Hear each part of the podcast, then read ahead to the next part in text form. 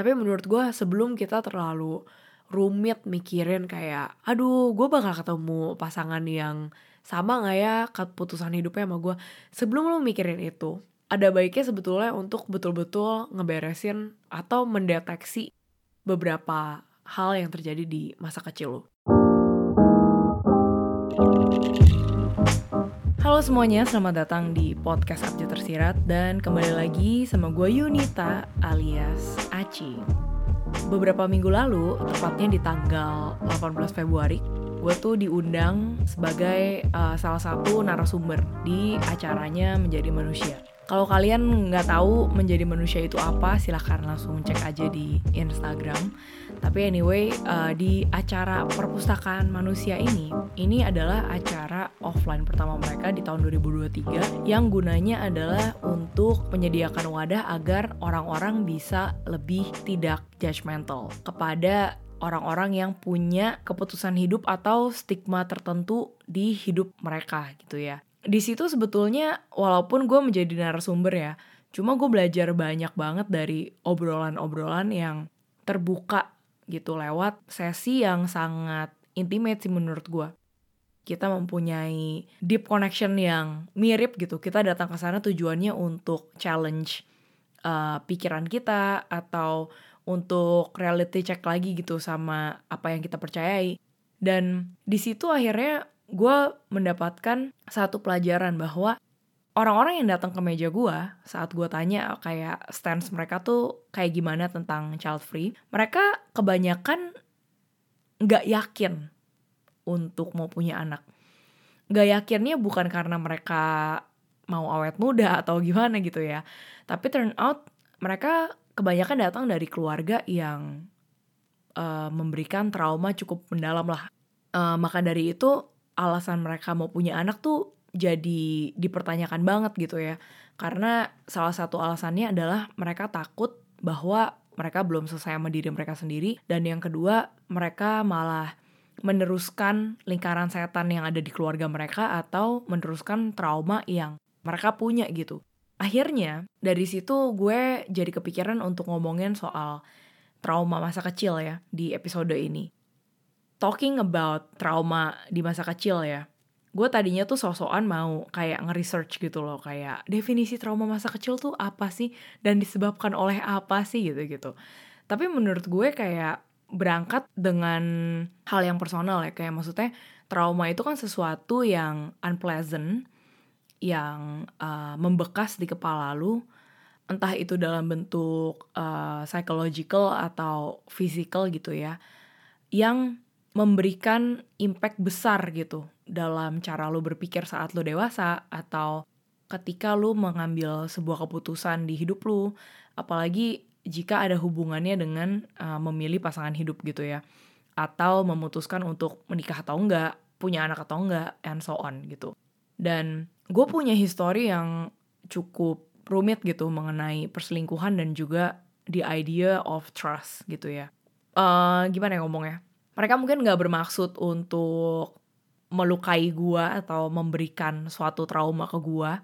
Mereka pun juga nggak sadar itu terjadi. Tapi they say perkataan-perkataan tentang perspektif hidup yang menurut gue setelah gue pikir-pikir kok lu fucked up banget ya jadi parents ngomong kayak gitu gitu. Misalnya kayak bokap gue sempet ngomong waktu gue dari SMP ya. Dia ngomong ke gue sama kakak gue kayak ya kalau misalnya suatu saat kamu punya suami terus kayak suami kamu tuh jajan gitu. Ya nggak apa-apa lah yang penting mereka masih balik ke rumah gitu. Kan dia nggak bawa peliharaannya. Dan salah satunya misalnya waktu gue masih SD gue inget uh, nyokap gue bilang berkali-kali gitu ya ya nanti kamu lihat aja kalau misalnya kamu nanti udah nikah dan punya anak nggak usah ngarepin deh kayak suami kamu tuh nggak bakal selingkuh. Kasarnya seperti itulah. Back to childhood trauma gitu. Ini sesuatu yang menurut gue semua anak pasti punya sih semua anak pasti punya. Tapi spektrumnya tuh separah apa?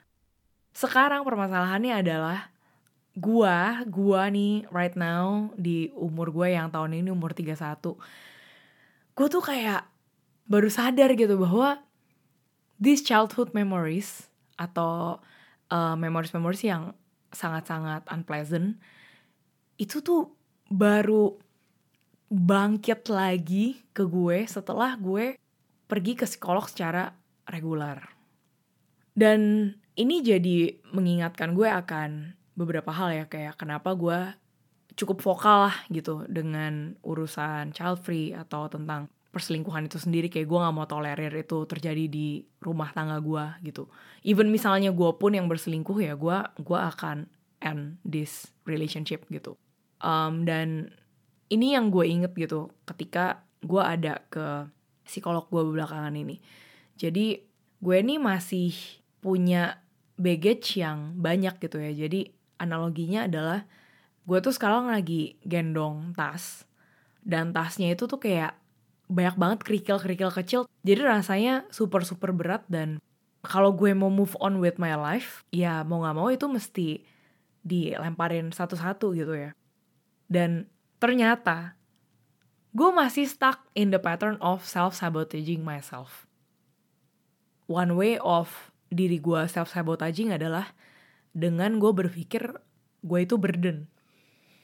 Terus gue ada momen di mana gue bilang ke psikolog gue bahwa ya maksudnya gue nggak lihat itu self sabotaging sih karena menurut gue kalau emang entah itu suami gue atau entah itu temen gue kalau mereka ngerasa kayak cerita-cerita gue too much atau the way I behave itu kayaknya too much ya karena luka-luka di masa kecil gue yang gue nggak pernah tahu gitu. Ya udah nggak apa-apa maksudnya nyerah aja gitu. Kayak just give up on me nggak masalah. Gue nggak mau gue ngerepotin orang gitu. Dan di saat gue cerita ini ke psikolog gue kayak gue inget banyak uh, apa ya memori waktu masih kecil yang sangat-sangat jelas gitu. Jadi ketahuannya karena psikolog gue nanya kayak oke okay, coba ceritain deh kamu tuh waktu masih kecil ingat apa aja sih? Gitu. Um, di sesi pertama gue masih kayak cerita hal-hal yang menyenangkan gitu ya. Karena gue pikir oh mungkin psikolog gue mau find out kayak apakah karena gue digebukin gue jadi gini gitu ya. Tapi ya gue juga cerita sih part gue sering digebukin karena gue digebukin tuh bukan yang unpredictable gitu tapi memang parents gue sebelum pukul gue mostly udah kasih tau dulu kayak lu kalau gue udah kasih warning kayak gini bakal gue pukul ya kalau lu nggak denger gitu. Cuma ada satu kalimat yang selalu gue ulang-ulang gitu di situ. Gue selalu bilang kayak ya wajar sih maksudnya mereka mukulin gue karena ya gue emang nyusahin atau ya memang karena gue bandel atau ya karena gue memang jadi beban ya buat rumah gue gitu. Dan pas di sesi kedua akhirnya kita ngedik lebih dalam lagi gitu soal perkataan gue itu. Dan gue baru inget kayak ada tiga memori ya yang melekat di otak gue pada detik ini gitu. Jadi buat teman-teman deket gue mereka tuh tahu gue tuh punya ingatan kuat banget dan gue inget ingatan pertama gue masih kecil tuh apa gitu. Dan itu start when I was three years old gitu ya. Nah memori pertama itu saat gue foto studio keluarga. The first memory that I remember gue inget semua orang tuh kayak heboh gitu loh di sekitar gue tapi mukanya tuh kayak bete. Dan uh, ngeberesin celana gue dan segala macem dan gue tuh bingung gitu kayak hah ini gue di dunia gitu atau di mana gue gak tau pokoknya yang gue inget pertama kali ya momen pertama gue di foto di foto studio itu. Dan waktu itu kan kayak ya udah just stay that, that moment that memories just stay there right? Sampai akhirnya uh, gue udah gede. Setiap kali gue lagi ngerasa kayak gue tuh a burden gue selalu ingat memori itu gitu. Memori umur gue tiga tahun. Dan akhirnya waktu gue tahun berapa ya gue lupa. Pokoknya gue udah kuliah deh di Perth waktu itu. Gue tuh kalau lagi uh, balik ke Jakarta gue hobi buat ngeliatin foto-foto lama gitu. Akhirnya gue tanya lah sama keluarga gue kalau nggak salah ke nyokap. Terus gue bilang sebelum lo cerita gue ceritain dulu ya. Ini gue umur tiga tahun kan kalau nggak salah. Terus gue tuh di sepeda ini sebelumnya gue kayak ngompol atau apa. Pokoknya intinya nyokap gue mau kayak cengok Terus nyokap gue bilang, Hah? Lu inget semuanya? gue bilang iya gue inget terus nyokap gue bilang itu bener loh. Itu bener yang yang gue ceritain itu itu bener kejadian. Nah saat gue cerita itu ke nyokap gue masih merasakan kayak anjing keren juga lu ya cing ya. Kayak umur tiga tahun udah inget banyak hal. Terus come back to the therapy session ya. Psikolog gue ngomongin gitu bahwa ketika kita ingat memories yang sangat-sangat vivid vivid tuh kayak jelas banget gitu ya. Itu ruangan pakai baju apa kira-kira jam berapa waktunya kapan aja semua orang di sana lagi pakai baju apa ngomong apa. Kalau lu inget sampai sekuat itu it tell something yang strong banget gitu kalau lu. Entah message apa itu tapi itu tell something gitu. Dan itu mungkin the first time akhirnya gue ngerasain kenapa the feeling of I am a burden datangnya dari situ. Karena gue masih inget dengan jelas gue umur 3 tahun gue ngumpul di celana dan selalu kayak gitu gitu patternnya. Kayak nyokap bokap gue udah kayak mukanya udah capek dan ya maksudnya dipikir-pikir wajar juga sih. Gue udah anak keempat ya dan mungkin mereka udah lelah gitu ngeladenin bayi. Cuma kan gue nggak paham konsep itu gitu kan. Dan waktu masih kecil tuh banyak banget kejadian kayak gue ee di celana dan kencing di celana gitu. Karena emang gue ada masalah pencernaan dan itu always repeated gitu. Muka mereka body language mereka tuh gue masih ingat semuanya dan muka mereka tuh selalu sebel gitu dan annoyed dengan itu. Plus ditambah waktu gue umur 4 atau 5 tahun gue tuh dibully gitu ya sama saudara-saudara gue dan juga kayak sepupu-sepupu lah atau teman-teman bokap punya anak gitu. Jadi lu tau kan masih kecil kan sering ke puncak dan segala macem. Dan come back to that vivid memories gue tiap kali lagi balik ke Jakarta dan gue lihat foto-foto lama itu gue inget lagi loh momen um, ada satu foto yang ini gue udah cerita ke suami gue sih kayak ada satu foto gue lagi pegang boneka kucing warna putih gue lagi pakai baju congsam. Dan gue tuh inget di situ gue lagi sedih banget sebenarnya. Kayak gue lagi confused Cuma gue disuruh foto jadi gue pikir oke okay deh gue foto aja. Nah kenapa gue sedih? Karena di saat itu yang lain kan udah pada jauh lebih gede dari gue ya. Dan gue tuh dianggap sebagai anak kecil yang annoying gitu. Di momen nginep di puncak itu, gue sering kayak digoda-godain, diledek-ledekin. Terus yang paling parah itu adalah gue tuh sering banget ditinggal. Jadi misalnya mereka ngomong kayak, eh kita ke sini yuk, kita ke sini yuk. Terus habis itu gue ikutin dong mereka ke mana misalnya let's say main petak umpet atau apalah. Tapi by the time gue realize ternyata mereka semua tuh udah kabur ke tempat lain dan gue ditinggal sendirian. Jadi kayak nggak ada yang mau main sama gue karena gue annoying gitu ya. Padahal ada satu anak kecil yang seumur juga sama gue tapi dia selalu diajak ke mana-mana gitu. Sama si crowd orang-orang yang lebih dewasa ini. Terus kayak gue inget at that time juga gue kayak suka sama sesuatu terus koko gue atau saudara gue atau siapa pun itu kayak ngeledekin gue terus ngetawain gue depan semua orang. Jadi tuh kayak those feeling of being rejected being a burden ya udah mungkin emang gue ngerepotin buat semua orang ya kalau lu mau gue hilang ya gue hilang aja. Nah itu tuh kayak strong banget gitu. Yang terakhir adalah tentang cerita gue itu sebetulnya anak kecelakaan kecelakaan tanda kutip. Jadi bokap gue kan udah sama nyokap gue udah punya tiga anak ya. Terus uh, pas lagi selesai lahir anak ketiga tuh sebenarnya mau steril gitu nyokap gue cuma nunggu nunggu nunggu nunggu eh nggak taunya bablas gitu dan bablas lahirlah gue. Nah gue itu sebetulnya udah disarankan oleh banyak saudara untuk gue tuh diaborsi gitu dan ceritanya kenapa gue nggak jadi diaborsi itu adalah karena um, diselamatkan oleh kakak perempuan gue gitu. Jadi saat itu dia udah kelas 6 SD terus ngomong kayak kalau lu sampai aborsi anak ini pokoknya gue nggak mau sekolah lagi intinya pokoknya gitulah ya diancam lah bokap nyokap gue. Terus um, bokap nyokap gue mikirnya ya udahlah just had a leap of faith gitu karena alasan mereka mau aborsi itu sebenarnya ekonomi saat itu soalnya uh, usaha bokap baru bangkrut terus kayak dia nggak yakin nih apa bisa hidup nih anak yang ini nih. Terus udah gitu juga pas lagi hamil gue tuh uh, baru ketahuan ternyata gue tuh ada toxoplasma virus gitu. Dan untuk kalian para ibu hamil pasti mengerti betapa dangerousnya itu ya. Terus gue tuh diminumin antibiotik mulu dari kecil gitu dari masih bayi. Makanya gue ada masalah pencernaan yang gue ee -e -e lah tuh dari umur 1 sampai 5 dan 6 tahun gitu ya.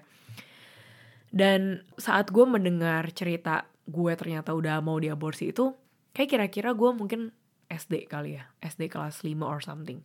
Gue juga lupa kenapa itu bisa ke bring up gitu ceritanya tapi waktu itu yang ceritain ya Cici sama mama gue gitu ya. Terus gue kan nggak ngerti konsep aborsi. Kayak I don't know gitu gue pikir ya ya udah kalau misalnya pun gue diaborsi dan gue cuma mikirnya ya udah gue nggak jadi lahir di dunia that's it gitu. Tapi ada satu recall memori lagi yang wow mind blown di otak gue. Jadi gue ngajar nari kan dan gue tuh membuka kelas private juga untuk mereka yang mau private. Terus ada salah satu murid gue yang uh, udah punya anak lah intinya. Gue lupa gimana ceritanya kita jadi ngomongin anak terus mungkin jadi ngomongin kayak background gitu ya kayak oh gue anak berapa lo anak berapa gitu gitulah terus gue bilang kayak oh gue anak paling kecil dan kakak gue tuh seumur. Kakak paling besar gue tuh seumur sama lo loh. Terus dia ngomong kan jaraknya jauh banget kayak belasan tahun. Terus gue bilang iya soalnya gue anak kecelakaan. Dan muka dia itu sangat shock pas denger gue ngomong gitu. Dia shock terus gue bilang kenapa? Dan dia akhirnya bilang ke gue eh kamu tuh jangan ngomong kayak gitu loh. Kamu tuh jangan ngomong kamu tuh anak kecelakaan. Terus gue bilang hah? Kenapa? Emang emang emang salah kayak emang bener gue anak kecelakaan kayak gue nggak di plan gitu terus dia nih murid gue ngomong kayak gini emang kamu ngomong kamu anak kecelakaan tuh kamu yang ngomong atau mama kamu yang ngomong terus gue bilang mama aku yang bilang dan mama aku yang cerita terus muka dia tuh serius banget dan dia ngomong ke gue, Cing, kamu itu bukan anak kecelakaan. Terus gue langsung kayak, aduh gila gue pengen nangis.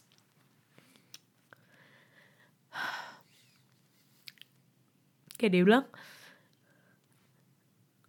nggak ada anak di dunia ini tuh yang lahir karena kecelakaan. Semua anak itu pasti diizinin sama Tuhan gitu untuk lahir.